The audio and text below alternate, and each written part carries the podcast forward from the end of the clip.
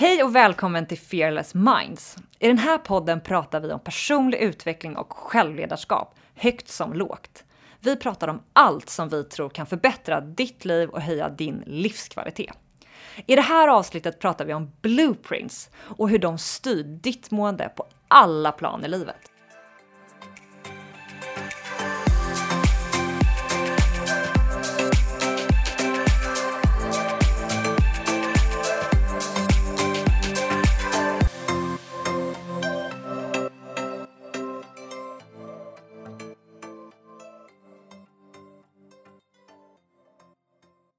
Maria, idag ska vi prata om det här med blueprints och det är ju någonting som ja, som alla andra ämnen, vi tycker det är superintressant. Eh, det har ju verkligen eh, hjälpt oss båda skulle jag säga att eh, förstå oss själva men också att må mycket bättre.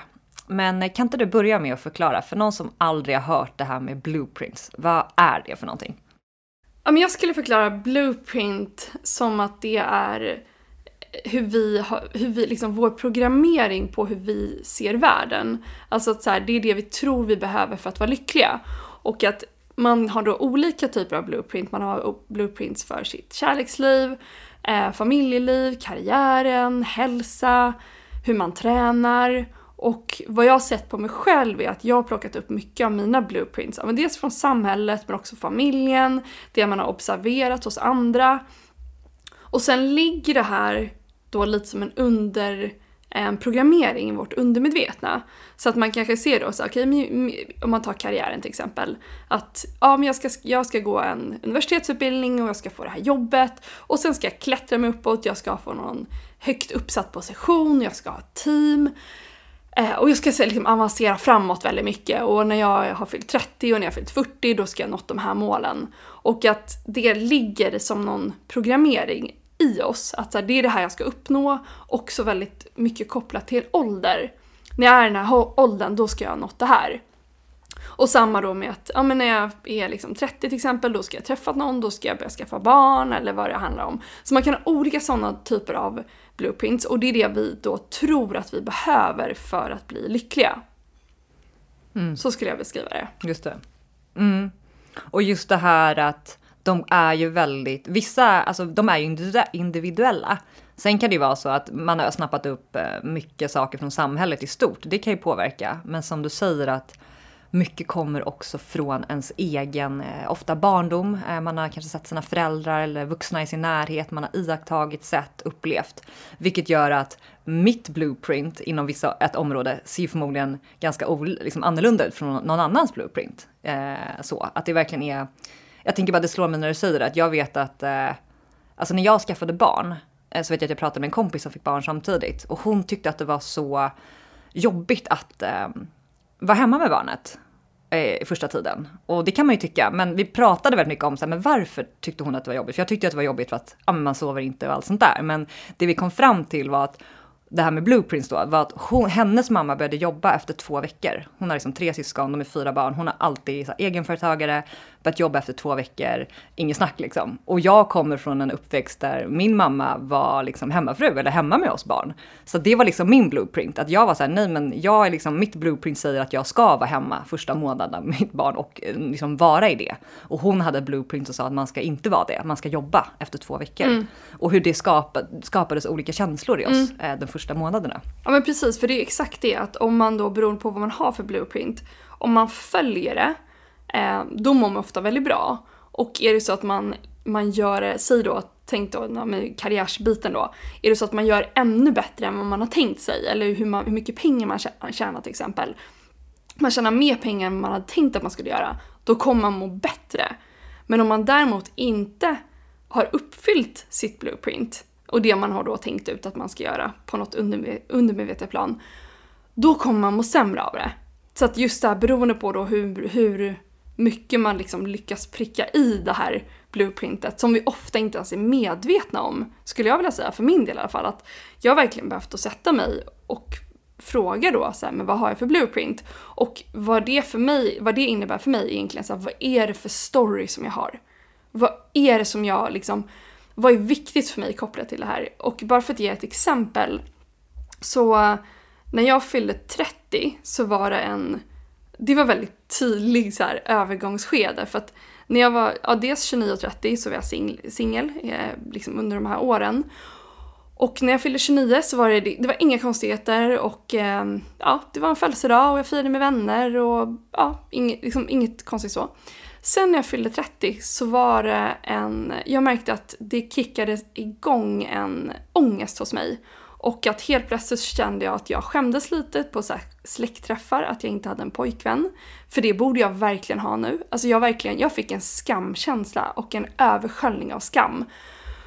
Samtidigt som jag då visste rent logiskt att, så här, att vara 30 och singel är inga konstigheter och det är ingen stor grej. Men ändå så kunde jag inte hjälpa de här starka känslan som jag hade kopplat till det. Och det var då jag började hitta det här med blueprints. Och jag började då förstå att okej, okay, men vänta, min blueprint säger, för det är så jag har tittat på, på mina, min mamma och pappa, på min, liksom, de har båda var, de har fyra syskon var, eller de är fyra syskon båda två. Um, så att alla de har egentligen följt det här med, det har varit väldigt viktigt någonstans med den här 30, ja men det är då du skaffar barn och du har familj och du har en man eller fru. Och även då mormor, morfar, farmor, farfar. Så jag har liksom varit bombarderad av det eh, på något sätt. Och plockat upp det, även om det inte alltid har uttalats så har det alltid funnits där. Så att jag märkte framförallt i släktsammanhang att jag blev väldigt obekväm och det var just för att det här var liksom en liten oskriven regel, eller hur man säger. Det var så man gjorde lite i, i min släkt. Så det här varit väldigt tydligt för mig då när jag blev medveten om det att så här, oj men vänta lite, jag är fortfarande samma person. Alltså en dag till en annan så har det ju inte hänt jättemycket. Och rent logiskt kan jag se att med 30 är ingen ålder. Eh, men att eh, jag märkte att jag blev väldigt styrd av det och då att jag inte uppfyllde det här då som jag hade som min blueprint så mådde jag väldigt dåligt av det. Till jag då liksom kunde titta på det och faktiskt börja förändra den storyn som jag hade. Så jag kunde skriva om den. Och det är det man vill göra då med blueprints, att börja ändra om sitt blueprint om man märker att så här, det här tjänar man inte. Exakt. Vi kan komma in på det sen, för det är så spännande med de här eh, exemplen du drar. Jag tycker det blir så tydligt.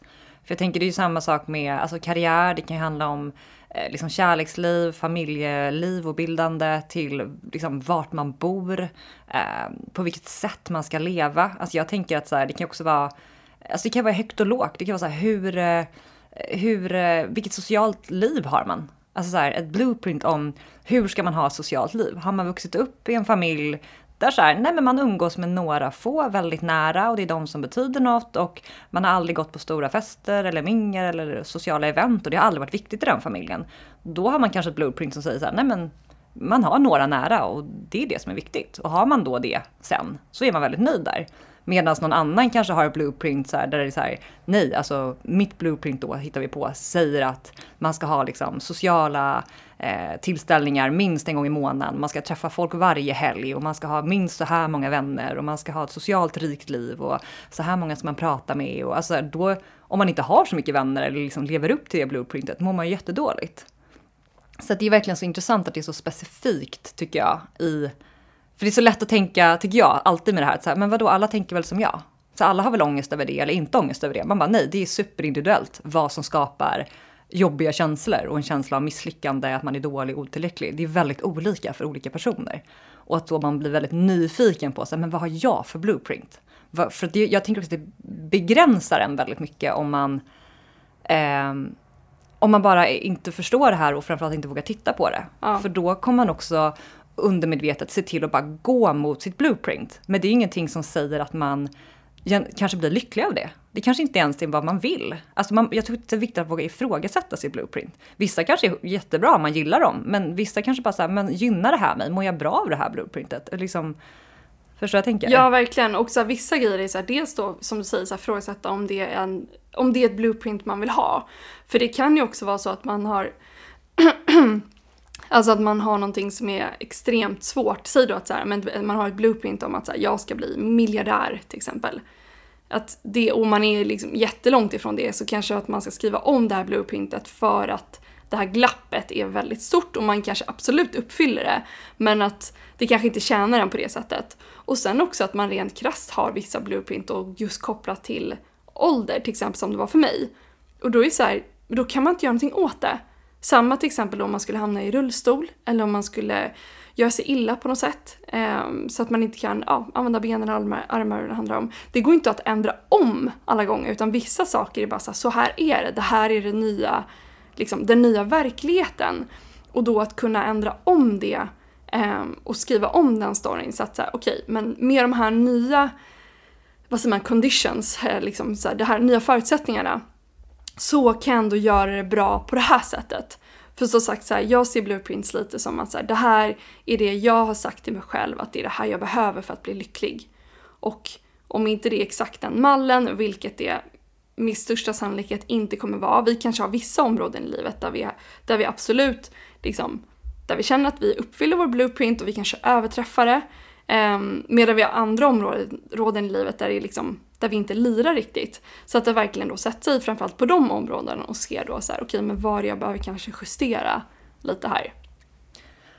när du pratar om det inser jag vad, vad som för mig var ett väldigt stort uppvaknande. Det var just det här, jag hade ju väldigt tydligt blueprint med att så här, ja men när man, eh, så här, jag ska vara en själv, det, jag, min story var så här, man ska vara självständig, jag ska skaffa mig en, inte bara en utbildning, jag ska skaffa mig en riktigt bra utbildning. Jag hade typ tre alternativ, det var så här handels eller eh, läkarutbildningen eller KTH eller något så här absurt. Det var liksom, i mitt blueprint var det bara så här toppskolor som gällde. Jag skulle skaffa mig ett så här jättebra jobb som hade liksom en status, var välbetalt. Jag skulle till och med ha, vara så specifikt att kontoret behövde ligga väldigt centralt och bra. Alltså helt sjukt när jag pratar om det. Nej, men, men det var så specifikt. Ja.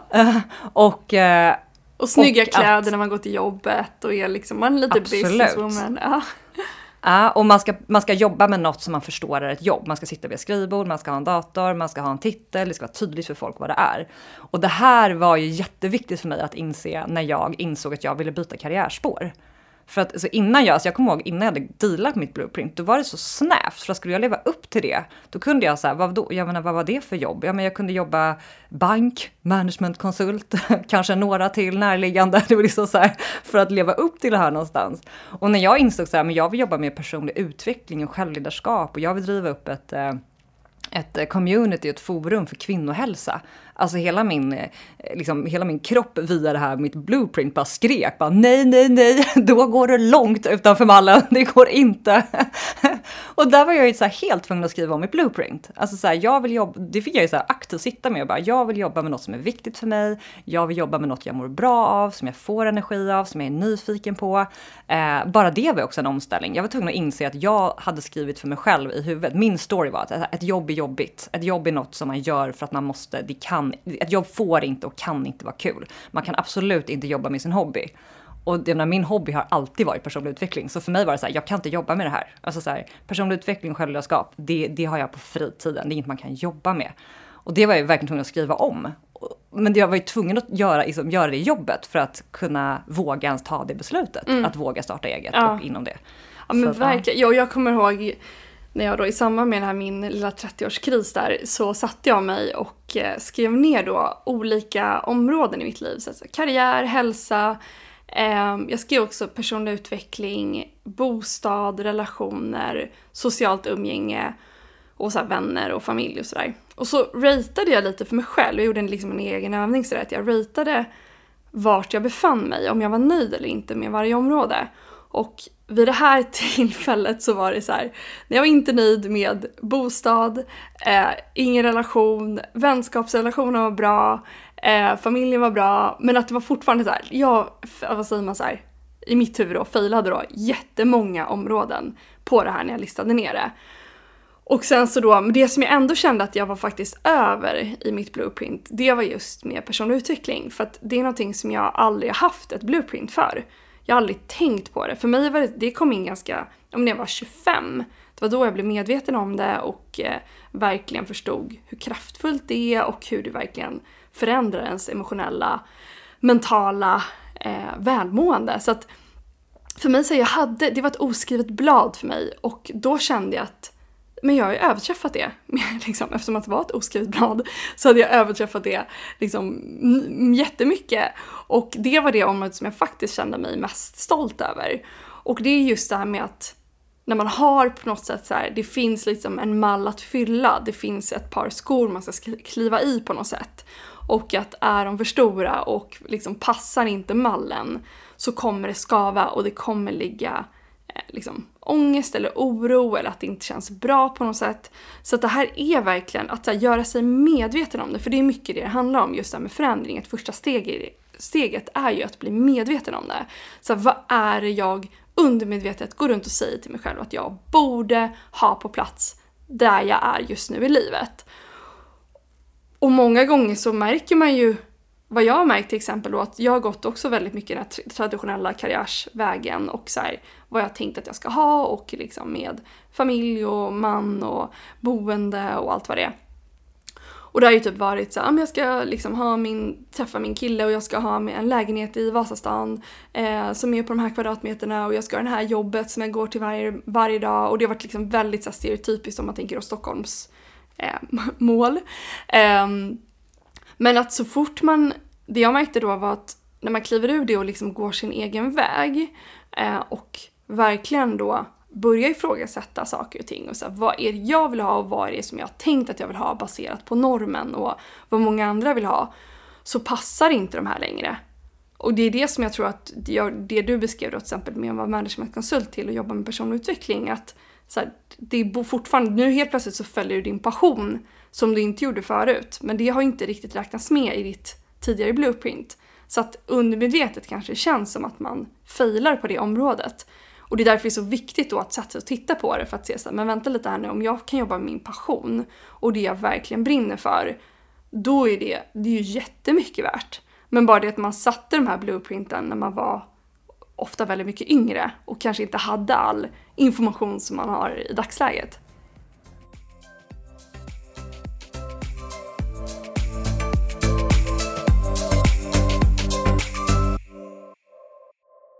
Är du en person som vi har varit historiskt sett? Det vill säga, vi har presterat på topp och utifrån har vi sett väldigt självsäkra ut. Men det andra inte såg var att under ytan led vi av stress och prestationsångest. Och det är slitsamt, det mattar ut en och det är inte långsiktigt hållbart. Att vara fearless, det handlar om att prestera på topp och samtidigt må bra. Och för att komma dit behöver du ett orubbligt självförtroende som byggs inifrån och ut. Därför har vi satt ihop den ultimata digitala grundkursen som hjälper dig med just detta. Kursen heter Från Fear till Fearless, 14 dagar till ett orubbligt självförtroende. Du får nycklar, verktyg och insikter så att du kan prestera på topp och samtidigt må bra. Det här är den optimala grundkursen i personlig utveckling. I den här kursen får du lära dig själva fundamentet, de viktigaste pusselbitarna för att påbörja din egna utveckling.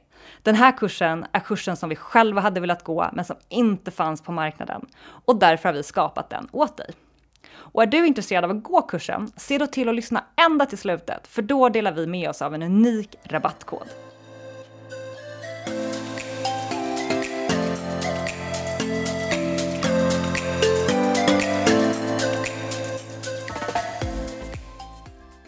det jag ser och inklusive mig själv är att jag tror väldigt många, det blir så orättvist för att man präglas ju av, som du säger, väldigt mycket, ofta kommer de här blueprints från när man var yngre, mycket barndom, vilket gör att du har liksom skapat din blueprint i en tid efter förutsättningar som inte gäller idag.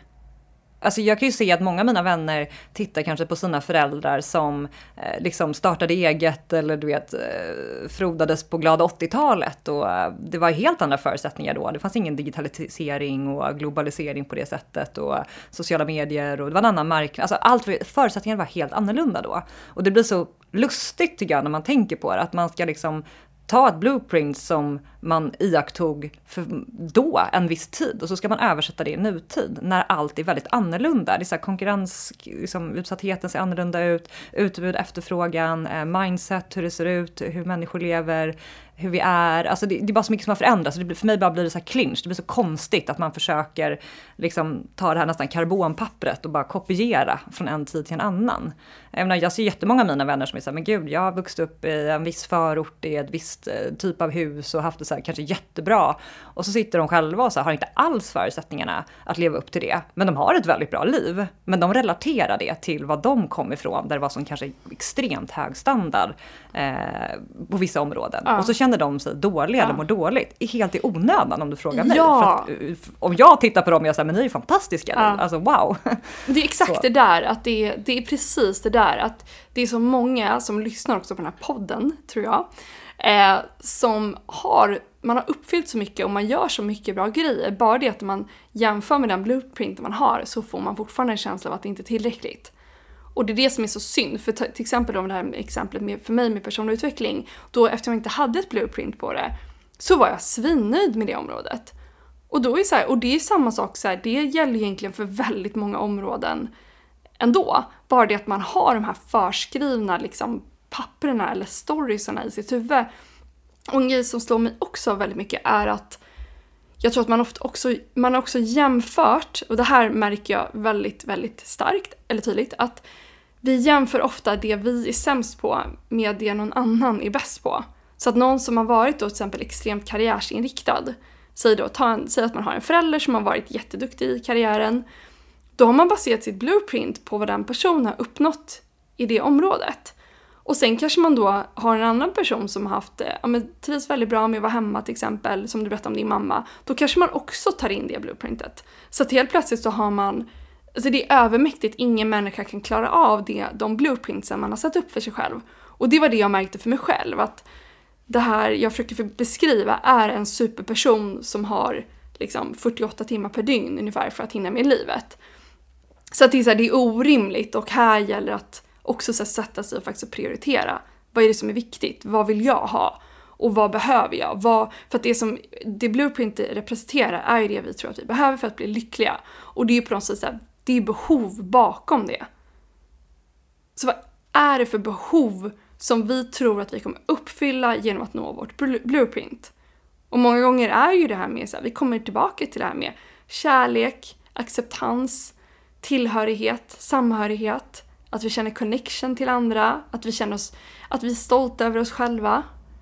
Det kommer tillbaka till de här liksom fundamentala mänskliga behoven. Mm. Verkligen, och det, jag, det där är jätteviktigt för mig. Jag använder det så ofta, den insikten, att bara så påminna mig om så här, vänta nu, nu är det någonting, nu har jag en story i huvudet som tror mig, som får mig att tro att jag behöver eh, whatever it is, det där eh, eh, större lägenhet, ett landställe, den där resan, eh, de där kläderna, alltså vad den än är, så försöker jag alltid syna mig själv bara, och vad innebär det? Jag ställer mig själv frågan, och vad kommer hända då? Vad innebär det? Bara så här, upprepa det. Och jag kommer alltid ner till så här, ja men jag behöver den där semestern, känns ju absurt nu i coronatider, men om vi tar det som ett exempel. Jag behöver semestern för att då kan jag eh, vara med barnen, slappna av, vara glad, vara närvarande, få kvalitetstid med dem, eh, skratta, må bra. Det är så här, ja men det kan jag göra idag eller i helgen. Alltså jag behöver ju inte den där semestern för det, men det är någonting i ens huvud som är så här, jo nu är det ledigt, då behöver man åka på semester, för så gör man enligt mitt blueprint, enligt, alltså så gör man enligt mitt blueprint. Vilket blir så absurt på något sätt. Ja, det där har jag också haft, att så här, man åker på semester utomlands varje sommar och så hade jag ett par somrar där jag inte gjorde det. Och det var ju också så här, man bara, det har inte varit en riktig sommar. För att jag har inte lämnat Sverige. Och det är också så absurt och det är ett riktigt jäkla ilandsproblem att ens säga det högt. Men att, men just då att det är så synd då för ens egen skull att man går miste om att njuta av den sommaren.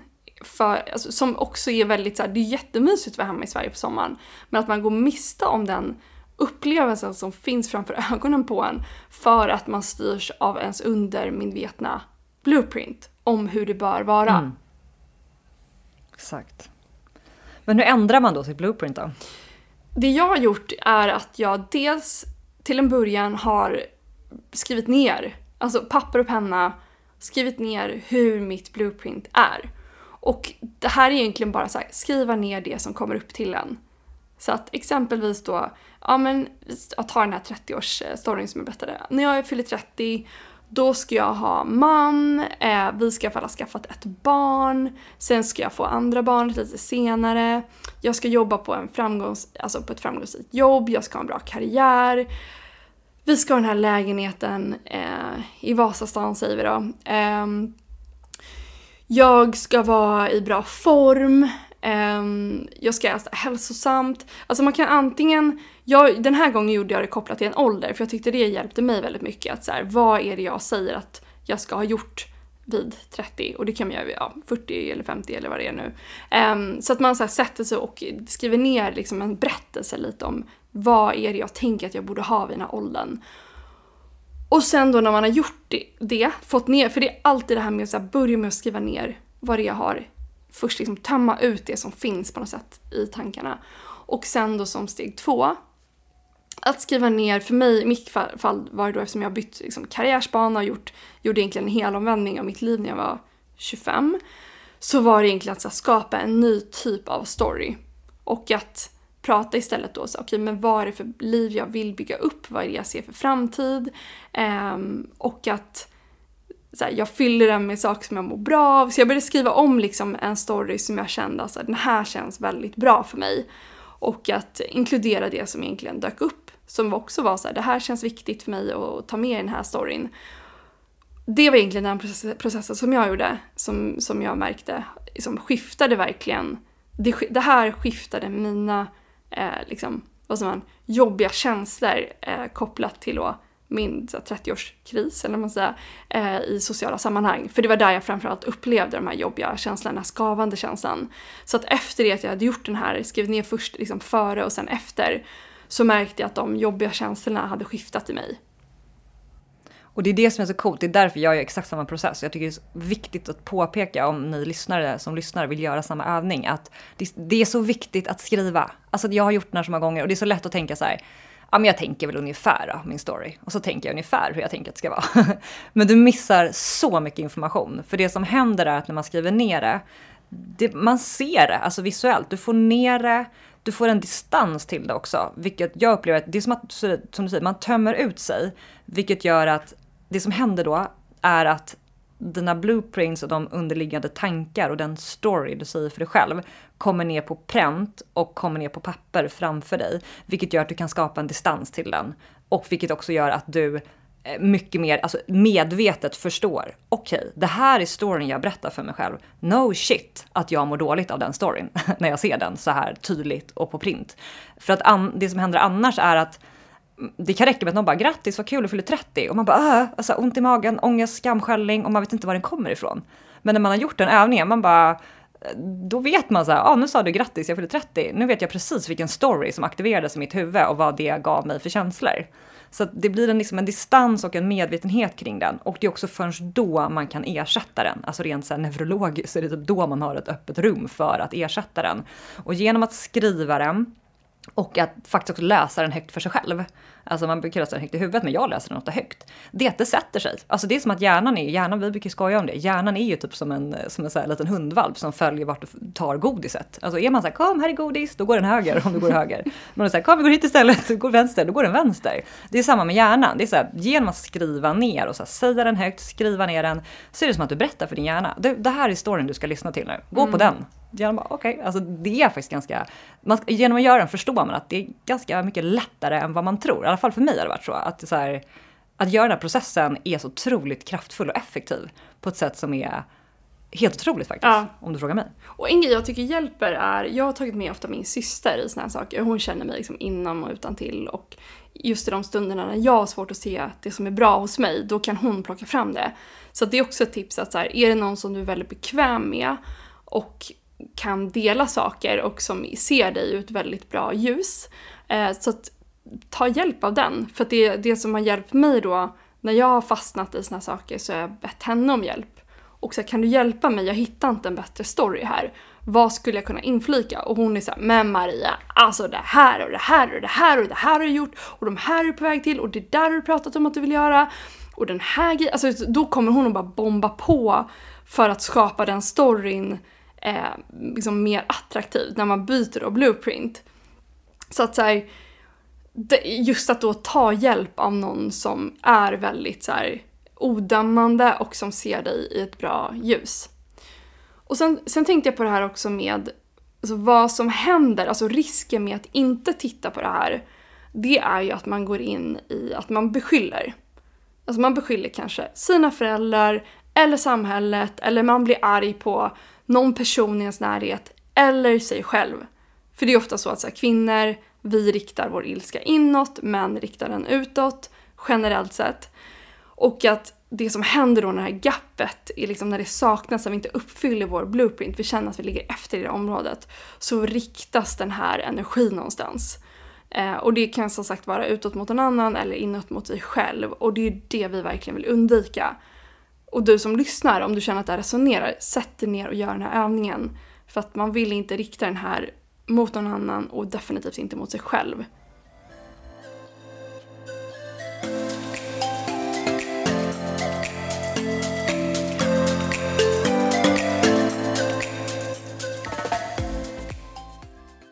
Och veckans övning är följande. Ta fram papper och penna och skriv ner dina blueprints. Det vill säga, hur går din inre story? Och börja med steg ett. Besvara frågan Givet din ålder, hur borde ditt liv se ut idag? Var borde du befinna dig karriärsmässigt? Hur borde din boendesituation se ut? Hur borde ditt kärleksliv se ut? Om du är singel, vad för typ av person borde du träffa? Om du är i en relation, hur bör den relationen vara enligt din story? När det kommer till hälsa, träning och kroppsideal, hur borde det se ut? Och sen gör du steg två. Där skriver du ner hur du vill att ditt blueprint ska se ut. Det vill säga, hur vill du att din inre story ska gå? Exempelvis, vid en viss ålder säger ditt blueprint att du ska vara vältränad och i form. Och i dagsläget kanske du inte alls känner dig så. Då kan du ändra ditt blueprint och din story till exempelvis Jag mår bra i min kropp och jag har ett sunt förhållningssätt till mat och träning. Jag lyssnar på min kropp och jag uppskattar den för att den gör sitt jobb. Jag ger den bra förutsättningar för att må bra. Jag behöver inte vara perfekt. Det viktigaste är att jag trivs i min kropp oavsett hur den ser ut. Och jag blir bara bättre och bättre på att uppskatta min kropp.